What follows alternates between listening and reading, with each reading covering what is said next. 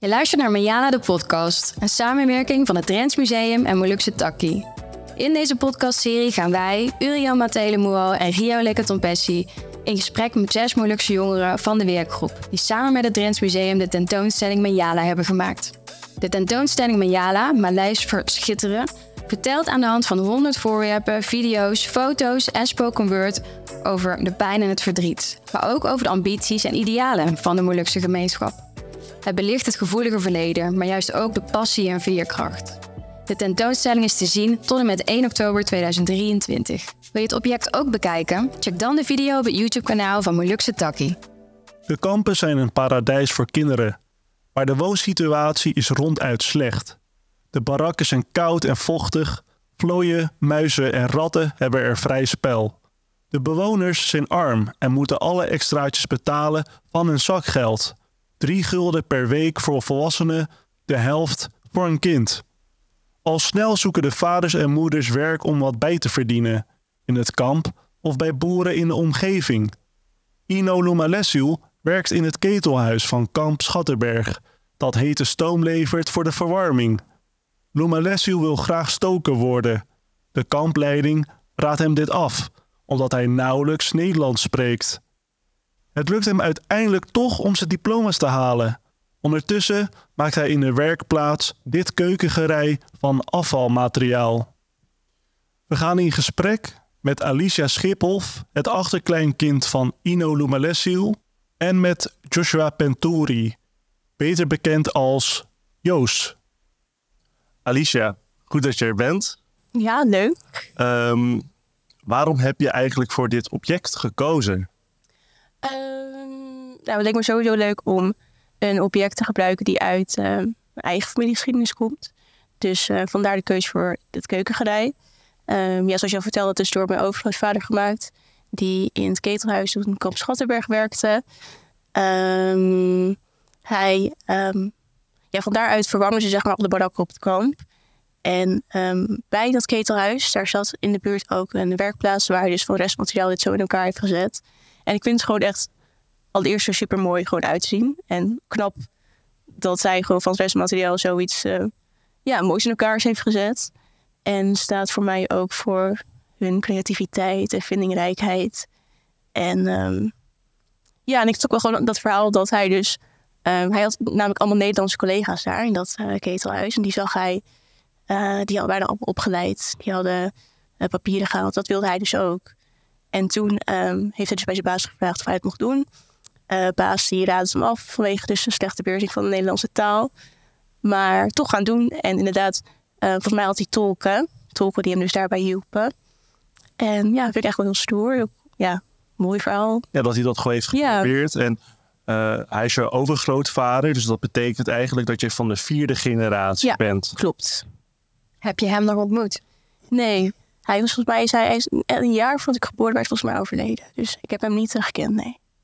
Toch bijzonder dan dat je dan nu zo'n groot aanknopingspunt hebt in deze tentoonstelling. Ja, het is heel grappig. Ik, had, ik heb het ook echt, ik wist niet van het bestaan van het keukengrij af. Dus heel toevallig dat ik um, een uh, van mijn oma's, dus een van zijn uh, schoondochters, interviewde. En zij kwam, uh, ja, kwam met het object. Um, ja, dat liet ze mij zien. Dus erg grappig ook dat dan hierdoor hebt ontdekt. Ja, eigenlijk. ja, heel leuk. Vond je het ook een beetje een soort van schat zoeken? Ja, ja echt wel. Want um, nou ja, we, natuurlijk, we wisten wel dat we deze tentoonstelling wilden gaan maken, maar het museum had dus eigenlijk geen objecten over de Molukse Nederlandse geschiedenis. Vandaar de keuze om dus met ons te werken en ons uh, ja, het mensen laten interviewen en op zoek te gaan naar die objecten. En het is wel heel bijzonder wat mensen allemaal nog hebben liggen, waar ze zelf vaak ook de waarde niet van inzien ja, dat is heel leuk. Uh, echt wel schatzoeken inderdaad hoe je het zegt. Ja. Zijn dit objecten die nog steeds gebruikt worden binnen de familie? Of wordt het gewoon ergens mm, Volgens mij niet. Volgens mij hing het uh, in de keuken van um, uh, die oma van mij. Volgens mij gebruikt ze het zelf niet, nee. nee. Dus misschien een soort aandenken eigenlijk. Ja, ja. klopt. Nou, naast jou heb je ook een gast meegenomen. Stel jezelf voor. Oh, oh, hallo, mijn naam is Jozef Penturi beter bekend als Joos. En uh, ja, wat kan ik nog meer zeggen? Ik ben een artiest, ik ben een woordkunstenaar. En uh, ik probeer gewoon het beste uit mijn leven te halen eigenlijk. Dat is mooi gezegd. Ja, toch? Ja. ja. En wat is jullie connectie? Ehm, nou, je hebt sowieso, wij hebben eh, in de aanloop naar de tentoonstelling toe hebben we een keer een evenement georganiseerd. Ehm, van vader naar objecten noemden we het toen volgens mij, waarin we onszelf al de werkgroep voorstelden, vertelden wat ons plan was om te gaan doen. En um, panelgesprekken hielden en ook mensen vroegen of zij wellicht input voor ons hadden. Hebben zij mooie objecten, mooie verhalen, konden ze het ook allemaal bij ons kwijt. En we hadden dus een panelgesprek met jongeren van de derde generatie. Daar zat uh, jij ook bij. Je hebt ook voorgedragen. Dus dat was een hele, hele leuke toevoeging. En ja, ik denk waar, waar we het ook, de connectie met jou, jij hebt ook een, een stuk over het onderwijs. Dat is ook wel iets wat wij heel erg beamen. Dat het, ja, het onderwijs is nu gewoon nog helemaal niet oké okay, qua moeilijke geschiedenis. En uh, dat vertel jij ook in jouw stuk. Ja, ja. Dus ja, hoofdstuk 6 moeilijke geschiedenis. Voor de mensen die nu kijken en denken, waar heeft die jongen het over? Even pauzeren snel en even daar kijken, want anders heb je een spoiler alert. uh, ja, ik heb dus uh, hoofdstuk 6 moeilijkste geschiedenis geschreven. In eerste instantie een opdracht van het Groningen Museum. En ze vroeg van, hey, vertel wat over jullie geschiedenis. En gelukkig had ik inspiratie. En die inspiratie komt dus voort eigenlijk over dat de Molukse geschiedenis vroeger altijd werd overgeslagen op scholen. En dacht ik, hé, maar hoezo dan eigenlijk? En dan ging ik stiekem kijken waar het over ging. Dacht ik, hè, treinkaping, daaruit. En toen eigenlijk in groep 4 dacht ik al van, wat gebeurt hier eigenlijk? Weet je wel? En toen ging ik nadenken over dingen. En uh, ja, nu zie ik het als mijn taak en als onze taak om, uh, als je dus ook bijvoorbeeld schrijft of muziek maakt, om dat ook te delen met de mensen. En later heb ik het gepost en dat ging helemaal uh, viral. Ja, dat ging zeker viral. Ik heb jou gerepost als een, malle. En uh, ik werk in de muziek. En bijvoorbeeld Vincent Patty en zo, die hebben daar natuurlijk ook een onwijs podium erin gegeven. Je hebt het heel mooi verwoord. Dankjewel. Het was enerzijds de vinger op de zere plek drukken. Uh, de ontkenning heel zichtbaar maken in mijn uh, optiek. Um, maar ook zeggen wat er dan, waarom het eigenlijk zo belangrijk is. Dat vond ik ook heel goed naar voren komen. Kunnen jullie daar wat meer over vertellen? Waarom is het zo belangrijk dat uh, een onderdeel de Molukse geschiedenis in het Nederlandse kanon wordt opgenomen? Uh, ik denk sowieso dat het heel belangrijk is om alle geschiedenis uh, te vertellen. En de Molukse geschiedenis is natuurlijk voor ons, want wij zijn Molukkers. En ik kom op heel veel scholen nog steeds, waar ik les geef, workshops geef. En dan vragen ze, meneer, wat bent u? Zeg ik, ik ben Moluks en Nederlands. En zegt ze, wat is dat Moluks? Dus ook vandaag de dag wordt die geschiedenis niet gegeven. Uh, toevallig heb ik ook laatst een geschiedenisboekje gevonden. Ik heb het niet mee, ik heb hem stiekem gepikt eigenlijk. Um, ik hoop niet eens te kijken. Dus geleend toch? Geleend zonder terug te geven. Geleend, moet ik ook niet zeggen. Ik snij mezelf in de vingers. was op een basisschool, er stond een boekje terrorisme en Amerika was daar de held. En er stond ook Molukkers, uh, treinkapers. dacht ik, oh, nog steeds. Uh, maar waarom het belangrijk is, is de, we hebben een samenleving als we elkaar begrijpen. En als mensen niet begrijpen wie Molukkers zijn en waarom ze hier zijn, zijn we gewoon een van de, van de buurtlanders, zoals ik ook in mijn spoken word zeg. Uh, dus daarom is het heel belangrijk dat we alle kanten van de geschiedenis belichten, denk ik. En uh, dat gebeurt helaas niet, dus het is de taak aan onszelf om dat te doen. En daar heb je ook verschillende vormen voor, hè? Ja, tuurlijk. Voor muziek, maar ook bijvoorbeeld uh, door middel van een documentaire. Alicia, jij hebt zo'n documentaire gemaakt. Ja, klopt. Kun je daar wat meer over vertellen en waarom jij het belangrijk vond om dat ja. te maken? Uh, nou, dat was mijn profielwerkstuk voor de middelbare school. En um, ik had met een vriendin samen dus um, besloten om um, een documentaire te gaan maken. Uh, over dus de Molukse Nederlandse geschiedenis. En ja, we hadden gewoon we hadden er geen zin om daar weer een geschreven stuk van te maken. Een, normaal werkstuk. We vonden het leuk om met film te experimenteren. Dus dat was echt onze aller, allereerste keer om iets met de camera te doen. En mensen te interviewen en zo. Dus het is, ik vind het ook best wel ja, aandoenlijk om terug te zien. Want ik zou zoveel dingen nu anders doen. We waren ook hartstikke jong natuurlijk. Maar het is wel heel leuk geweest wat te doen. En het is ook wel grappig hoe goed dat filmpje eigenlijk nog bekeken wordt op YouTube. Ja, ja 37.000 keer geloof ik. Ja, klopt. En, uh, het heet uh, Menna Molukkers in Nederland. En ja. Het is op uh, YouTube uh, nog steeds te bekijken. Ja. Als jij hem niet weghaalt ja, na dit gesprek. hierna. nee, ja, we hebben dat echt wel op zich wel leuk gedaan. Maar ja, als je ouder wordt en meer van de geschiedenis leert, dan nu zou ik dingen wel anders doen. Ja, maar, maar dat moment van het profielwerkstuk, ja. uh, was er ook een geschiedenisdocent die, die jou inspireerde misschien of, of niet? Nou ja, niet helemaal, voor, niet helemaal inspirerend voor dit profielwerkstuk. Maar ehm, ik heb dus wel een hele positieve ervaring met een geschiedenisdocent op de middelbare school gehad. Wie precies? Eh, dat was meneer Willemsen, meneer Kees Willemsen. Shout-out meneer Willemsen. Ja, shout-out naar hem. Ehm, hij heeft gewoon echt gezegd, ehm, vandaag gaan we het hebben over de Molukkers. ik zat ook op school op ehm Ladix hier in Alsace. Dat ligt heel vlak bij de Molukse wijk, ook hier. En hij zei, jullie, jullie doen allemaal jullie boeken gewoon vandaag dicht. We gaan niet uit het boek leren. Ik ga jullie vertellen over die geschiedenis. En dat heeft hij op een hele respectvolle manier gedaan. Heel uitgebreid echt de tijd voor genomen.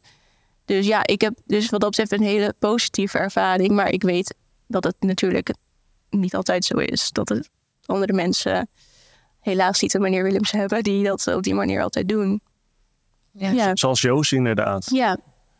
Want, dat heeft toch wel jou ook geïnspireerd om misschien je, meer in te zetten voor je cultuur. Door die geschiedenis wel in je muziek door te vertellen. Ja, zeker. Ja, kijk, vroeger, ik ben was redelijk laat begonnen met schrijven om mijn 21ste.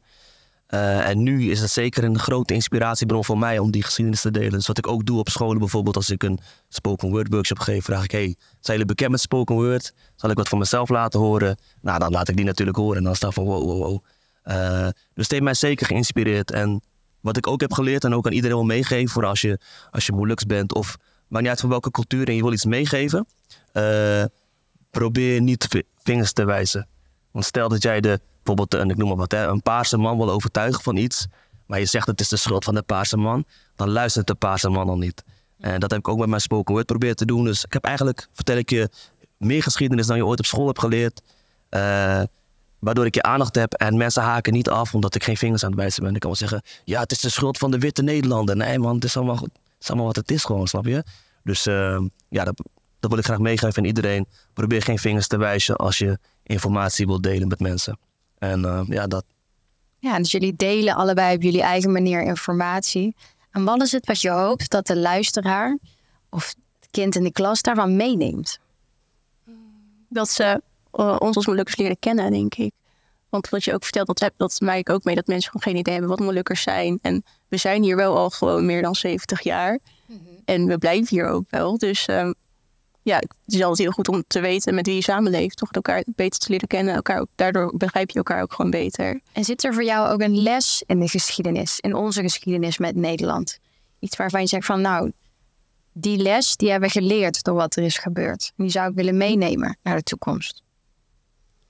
Ja, een les, ja, dat, dat ik niemand kan, echt kan, of het systeem niet kan vertrouwen. Dat klinkt heel eh cru, maar dat is wel zo voor mij. Dat is een les, denk ik. En wat bedoel je ermee? Ehm, ja, kijk, het systeem, eh, hoe het is ingericht, worden de rijken rijker en de armen armer. En dat zie ik wereldwijd. Ik ben op heel veel plekken geweest. En eh, ik zal nooit uitgaan van. eh, ik zal nooit mensen, iedereen blindelings vertrouwen. Want ze zijn in staat tot hele duivelse dingen. Niet iedereen natuurlijk. Ik probeer ook de goedheid van de mensen te zien. Maar heb ik het vooral over de mensen die, heel veel dingen bepalen. Ehm, dus dat heb ik eigenlijk geleerd. En ook dus beeldvorming. Geschiedenisboeken wat gaat over Satudara. Terwijl er zoveel meer is. Of een treinkaping, treinkapers. Hoe komt zoiets tot stand? Dus als ik dingen op tv hoor of het nieuws zie... ga ik er niet vanuit dat het gelijk de bad guy is. Want er zit veel meer achter. Er spelen veel meer belangen. Dus dat is eigenlijk een les die ik, die ik meeneem. Ja, dat de waarheid eigenlijk. eh, truth is in the eye of the beholder, zeggen ze dan. Hè? Mhm. En de geschiedschrijver is vaak de overwinnaar. Precies. Maar dat betekent niet dat dat de waarheid is. Nee, De de overwinnaar is- kanten ook. Ja, ook dat. En ook mijn waarheid en mijn geloofsovertuigingen, dat is niet per se de waarheid. Als ik eh, bijvoorbeeld oude berichtjes van mezelf lees van vroeger op social media, dan denk ik, hè? Wat wat zeg je allemaal, joh? Dus ook de dingen die ik nu zeg, misschien kijk ik dit later terug en en dan kom ik erop terug. Maar dat is ook niet erg en dat is ook groei. Hoorde je ook net zeggen, toch in je documentaire van, ik zou nu dingen anders doen. Dat is groei, dat is niet erg. Ik heb ook oude, oude spoken word teksten dat ik dacht, ah ja, de, voelt niet lekker. Of dingen die ik zeg in mijn tekst, ah nee. Maar dat is groei, dat is niet erg. Nee. Ja, en daarom is het belangrijk om het vast te leggen, hè? zodat we daarop kunnen reflecteren. Want misschien eh, beluister je deze podcast 10 of 15 jaar later en denk je van, hé, nu heb ik een totaal andere mening gevormd. Precies, ja, dat zou heel goed kunnen. Maar dat is juist eh, belangrijk, toch? Dat dat eh, in eh, verandering blijft eh, en in ontwikkeling. En ik denk dat we ook daarom hier zitten. Dat we op onze eigen manier een geschiedenis uit onszelf vertellen, van binnenuit. In plaats van eh, over ons. Ik denk dat dat wel heel vaak is gebeurd in het verleden. Ja, amen. Heb ik op te zeggen. Ja. ja, dat vind ik aan deze tentoonstelling ook dan zo leuk. Dat we met een werkgroep Molukse jongeren werken. Dat, dat wij echt samen met het museum narratief bepalen. Dat, ja, dat is echt eh, zo ja, heel leuk om te doen. Maar ook, dat, zie je ook echt in alles terug. In alle, ja, de tentoonstelling, in het boek, in eh, de evenementen en alles. En ook die ontmoetingen. Ja, Ik denk dat dat voor jou heel waardevol is geweest, namelijk. Ik denk dat jij daardoor zelfs misschien nieuwe vriendschappen... ja het eh, klopt. Ja, nee, ik heb eh, echt nu een van mijn beste vriendinnen hierdoor ontmoet. Zoe, dat is super leuk. Ja. Mooi hoe dat dan zo kan samenlopen. Ik zou je iets kunnen vertellen over hoe de werkgroep tot stand is gekomen? Ja, nou, er lag sowieso al het idee om een tentoonstelling te maken over Molukkers in Drenthe. Eh, daar was eh, onze conservator ehm, geschiedenis Jan van Zijver ook mee aan de slag. En ehm, toen is daar ook het idee ontstaan, ook met Jonathan als eh, medewerker um, programma en Noberschap. het idee ontstaan om dat samen dus met een werkgroep te doen. En toen hebben ze ervoor gekozen om dat met een werkgroep met jongeren te doen.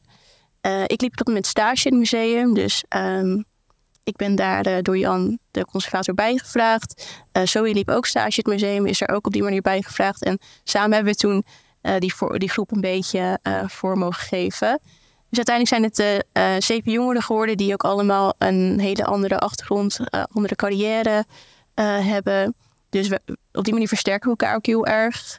En ja, heeft iedereen zijn ding, zeg maar, die, ja, die zij tot bloei laten komen in de tentoonstelling. Ja, je verbreedt daardoor eigenlijk het perspectief Ja. vanuit het Molukse narratief. Klopt, ja. Ja, mooi gedaan. Dank je. En heb je daardoor eh, ook weer nieuwe dingen zelf geleerd over de Molukkers in Drenthe? Ja, heel veel. Ik denk, eigenlijk heb ik ook altijd, als er mensen hier naartoe komen, ook gewoon Molukkers die al heel veel van geschiedenis weten. Bijna iedereen komt hier wel weg met, oh, dit wist ik nog niet, of ik heb iets nieuws ontdekt.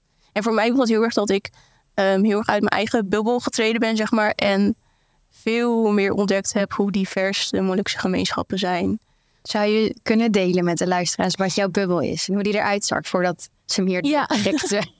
Nou ja, ehm, vrij, ik ben niet in de wijk opgegroeid, maar ehm, wel vlakbij de wijk. Christelijk opgevoed. Ik heb ook Syrië gedaan. Ben ook gewoon gelovig. Ja, best wel standaard Molukkers, zeg maar. Uh, overschootouders. Die zijn in 1951 in Nederland gekomen. Maar ik ben er nu achter gekomen dat er nog zoveel bijvoorbeeld andere aankomsten waren. Zoals die vanuit Nieuw-Guinea in 1962. Uh, dat er ook gewoon uh, Molukkers om hele andere redenen naar Nederland zijn gekomen. Bijvoorbeeld de allereerste Molukker in Nederland, dat was in Nederland, sorry, in Drenthe. Dat was um, Han Kainama. En dat was een chirurg die hier al, volgens mij, nou, ergens in de jaren 40 al deze kant op kwam. Dus gewoon, ja, er is nog veel meer dan die 1951. Ja, gewoon leuk om te ontdekken dat... Ja, het is niet voor iedereen het nee, jaartal. Nee, klopt. Ja, en ook niet voor iedereen de reden, toch? Want nee, in 1951 zijn met name de kneelmilitairen ja. die kwamen. Uh, zijn er nog eens andere bevolkingen uh, of andere redenen waarom mensen, de Molukkers hier zijn geweest, die je zou kunnen benoemen? nou, bijvoorbeeld dus die um, Han Kainama die um, hier kon werken. Of een stage kon lopen volgens mij bij het ziekenhuis hier in Assen. Uh, maar ook bijvoorbeeld uh, van een van de werkgroepleden haar vader, Gloria's vader. Die um, is volgens mij in de jaren tachtig dan naar Nederland gekomen. En, nou, ik, ik, kan niet dat hele verhaal um, in alle details vertellen, dat weet ik niet helemaal. Maar dat verhaal komt zo in de tentoonstelling voor. Dus kom vooral kijken en ontdek het daar. maar ja, die had ook weer hele andere redenen om uh, hierheen te gaan. Ja, dus gewoon om te zien dat um, onze gemeenschap nog zoveel diverser is dan ik dacht. Ja. Ook diverser wordt. En diverser in, in, wordt. de, in de toekomst namelijk. Ja. Van, uh, van allemaal verschillende achtergronden. Mm. Uh, met uh, nieuwe combo's, weet je wel. Nieuwe combinaties. Ja. En nee, dat is, is, hartstikke mooi. En, um, en ik denk dat het ook wel ja, goed is dat zo'n expositie hier is als Menjalen. Krijgen jullie ook kritische geluiden te horen over de expositie? Dat valt eigenlijk best wel mee. Of ze komen gewoon niet bij mij aan of zo. Maar het valt heel erg mee. Ik heb eigenlijk voornamelijk hele fijne positieve reacties gehad. En natuurlijk zijn er wel eens mensen die um, kritiek hebben. Dat is ook heel fijn. Dat, dat willen ook graag. Want um, nou, ik persoonlijk zou heel, nog heel veel meer in de toekomst hiermee willen doen. Dus opbouwende kritiek is altijd welkom. Maar het is echt overtuigend heel positief. Dus ja, ik krijg best wel lovende reacties tot nu toe. En wat zou je Ja. precies in de toekomst willen doen? Mm, nou, geen Dat is natuurlijk een soort aanname. Maar Ja. wat, als je het zou mogen invullen. Ja, nog geen concrete plannen of zo, maar gewoon omdat we hier zijn hier nu eh, inmiddels al twee jaar mee bezig. En ik vind het gewoon heel tof dat we op zo'n manier met de tentoonstelling, maar ook met een, het boek dat erbij komt kijken, met evenementen die we organiseren en een schoolprogramma dat we erbij eh, gemaakt hebben, dat we dat verhaal gewoon blijven vertellen op onze manier. Ook op een best wel nou, toffe manier door een tentoonstelling. Dus ik zou best wel meer creatief met ons verhaal bezig willen zijn in de toekomst. Dus dat wat jullie bijvoorbeeld doen met een podcast, is ook jij met eh, kunst. Ja, dat vind ik heel leuk. En je vertelt al even, je hebt een educatieprogramma bij deze tentoonstelling. Kan je daar wat meer eh, over delen? Ja, dat ehm, nou, elk onderdeel van de tentoonstelling en eh, alles eromheen, dat hebben we echt in samenwerking met het museum en dus de werkgroep eh, gedaan. Eh, ook een educatief programma opgezet, dus je kunt elk weekend gratis lezingen volgen. Je kunt ook verdiepende lezingen boeken. Je kunt ehm, rondleidingen boeken. We hebben een schoolprogramma voor de basisschool en de middelbare school gemaakt. Dus een familieroute, dus voor gezinnen dat zij ehm, dus met een soort van plattegrondje met opdracht door de tentoonstelling heen kunnen gaan. Dus, eh, en het leuke daarvan is dat het misschien ook wel na de tentoonstelling bewaard kan blijven. En dat het de tentoonstelling overleeft. Dat zo'n zo- schoolprogramma misschien nou, ook eh, wanneer het zometeen al voorbij is, nog steeds gegeven kan worden. Ja. Ja, absoluut. Daar gaan we Ja, natuurlijk ja. voor. Dat is de bedoeling hiervan. En wat voor aandeel zie je jezelf hebben in de toekomst in het vertellen van ons Molux verhaal? Nou, ik denk wel een beetje op dezelfde manier hoe dat met de tentoonstelling is gegaan. Dus ja, heel graag creatief bezig zijn met ons verhaal. En dus gewoon blijven vertellen dat, dat zometeen... Dat, dat alle generaties na ons niet meer hoeven te vertellen wie Molukkers zijn. Maar dat ze dat gewoon weten. Dat we dat misschien voor hen ook kunnen doen. En dat, kan, dat kan zijn inderdaad in een museum, maar ook in een ja, iets interactiefs, zoals bijvoorbeeld een theatervoorstelling, Ja. toch Joost? Maluco boerensaus. ja, ja, ik heb dus inderdaad een theatervoorstelling eh, in december eh, uitverkocht in het Grand Theater. Ik ga hem nog twee keer doen. Dus als jullie er allemaal bij willen zijn, dus één keer in Rotterdam, Zuidplein en een keer in het Grand Theater Groningen. Uit mijn hoofd 7 oktober, 10 november, maar ik kan ernaast zitten. Maar ehm, ja, en op die manier mijn gelijknamige debuutalbum Maluco Boerensaus heb ik ook uitgebracht. Waarin ik gewoon eigenlijk eh, ja, ook onderzoek heb gedaan naar mijn eigen geschiedenis. Zowel de Nederlandse kant als de Molukse kant. Toen dacht ik helemaal Molucco boerensaus. Ja, ik ben een Molukse boer. En I got the sauce. En saus kan je mixen. En met een beetje geluk krijg je een unieke smaaksensatie. En we zijn met heel veel ook die, die ook dat hebben, Molucco boerensaus. En die zich daar ook in kunnen vinden. Ook mensen van andere culturen. Ehm, dus ja, op die manier blijf ik het gewoon delen. En ik, eh, ik zie het wel. En ik hoop een inspiratiebron te zijn ook voor de jeugd. Ik zie heel veel jeugdigen nu muziek maken. En ik denk, ja man, ik, als ik het hard vind, deel ik het ook gelijk. Ik heb zoiets van, joh, laten elkaar gewoon meer pushen, meer supporten. En eh, dat is denk ik heel belangrijk. Want wat ook wel een moeilijk ding is, eh, en dat zeg ik gewoon hier open en bloot. Er is soms wel afgunst en jaloezie en onzekerheid. En dat is van vroeger al. En het wordt nu minder. Maar het is er nog steeds wel. En het is helemaal niet nodig. En ik denk als we elkaar echt supporten, dan gaan we echt sky high in vlammen. Want we hebben allemaal zoveel, zoveel skills. Dus laten we dat vooral bundelen. En eh, ja, ervoor gaan gewoon. Ja, line band to line zeggen we dan. Hè? Zeker. Zou je die kunnen vertalen voor onze luisteraars? Eh, schouder aan schouder toch? Als ik het goed begrijp. Vrij vertaal. elkaar. Ja, precies. Wel op elkaar. En dat is denk ik gewoon heel belangrijk. Elkaar upliften. En eh, zij aan zij gaan we de strijd aan. En nu op een eh, andere manier. En het kan ook zijn gewoon een gelukkig leven leven natuurlijk. Niet iedereen is een creatieveling. En dat hoeft ook helemaal niet. Dus dat is heel belangrijk denk ik. Nee, ik denk dat iedereen het vanuit zijn eigen kracht kan doen. Hè? Ik ben hiernaast een, eh, eh, ook een heel provinciaal eh, eigen projectje aan het doen. Met, ik kom uit Venlo, Limburg, dus wij doen aan carnaval. en wij hebben een Molukse carnavalsvereniging. Ik vermoed de enige van Nederland. Hij heet de Kwante Kakatoe, want we zijn natuurlijk wel kakatoes. Als het dan eh, een vogel zou moeten zijn. En wij zijn... We gaan er ook echt verkleed. Ja, ja, ja. Oké, vet, vet. Ik weet niet Ja. of al welke als ik kakken toe ga, maar We zijn al een keer kakatoes geweest. Zijn er foto's van te vinden? Daar, daar zijn foto's van te vinden. Gooi je er ook een linkje even erbij? Ja, eventjes... eh, Ja, is wel leuk voor de mensen? Instagram. Maar dat is dus een hele grote organisatie geworden. We zijn dit jaar, en ze hebben het wat serieuzer gaan aanpakken. Uh, en um, toen is er gewoon een rondvraag geweest van wie wil dit doen? Want ons stichtingleven was een beetje in dood gevallen. Uh, of het was vrij klein. Uh, maar we wilden heel graag als derde generatie en vierde generatie zelf wat gaan doen. In, op onze manier. Ja, op een wat vrijere manier. En um, er is gewoon een rondvraag geweest. En zo had ik gedacht, nou, als er 50 mensen gaan meedoen. We zijn met 250 man. Waardoor het dus gewoon een volledig bedrijf is geworden. En iedereen doet zijn eigen kracht. Sommigen zijn creatief en die schrijven de liedjes. En anderen uh, die zijn heel goed in uh, rekensommetjes maken en accountancy. En die zijn dus aan het kijken naar, oké, hoeveel kost dat om voor 250 man pakken te maken? En hoe gaan we dat allemaal doen? En waar kunnen we sponsoring vandaan halen? En zo is iedereen in zijn eigen kracht gaan staan. Iedereen kan op zijn eigen manier een stukje bijdragen. En daarin vertellen ze dan toch het verhaal. Ja, en Want de perfect, boekhouder ja. die vertelt van aan zijn, aan zijn buren of uh, iemand uit bestuur die zit bij een notariskantoor. En die, zij hebben dan weer gezegd van nou, dan zorgen wij dat wij een goed contract voor jullie maken. En dat we een stichting gaan vormen. En daar dragen wij dan weer aan bij. En tegelijkertijd vertelt zij het verhaal van ons, de Molukkers, weer aan haar Nederlandse collega's.